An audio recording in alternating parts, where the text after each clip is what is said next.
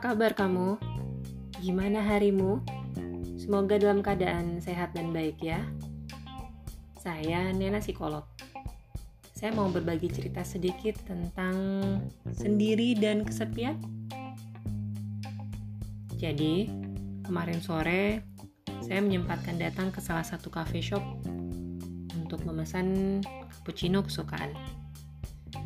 Sambil menunggu cappuccino dibuat, biasanya saya memperhatikan orang-orang yang ada di sekitar saya. Perhatian saya tertuju pada salah satu pojok di mana terdapat sekumpulan remaja tertawa terbahak-bahak membicarakan kawannya yang tidak hadir. Tentunya hal-hal buruk yang mereka tertawakan.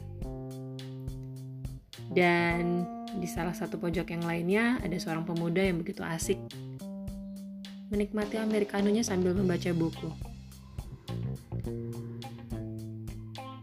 Teman-teman mungkin pernah ya merasa sepulang dari keramaian, sepulang dari kumpul-kumpul, perasaannya tetap saja sepi bahkan energinya habis. Yang tadinya hahaha pulang, huhuhuhu nangis. Jadi, kadang-kadang mana lebih baik?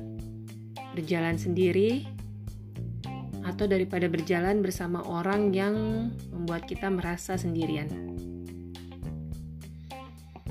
Karena kadang-kadang berdiri sendiri lebih baik daripada berdiri dengan orang yang tidak menghargai kita.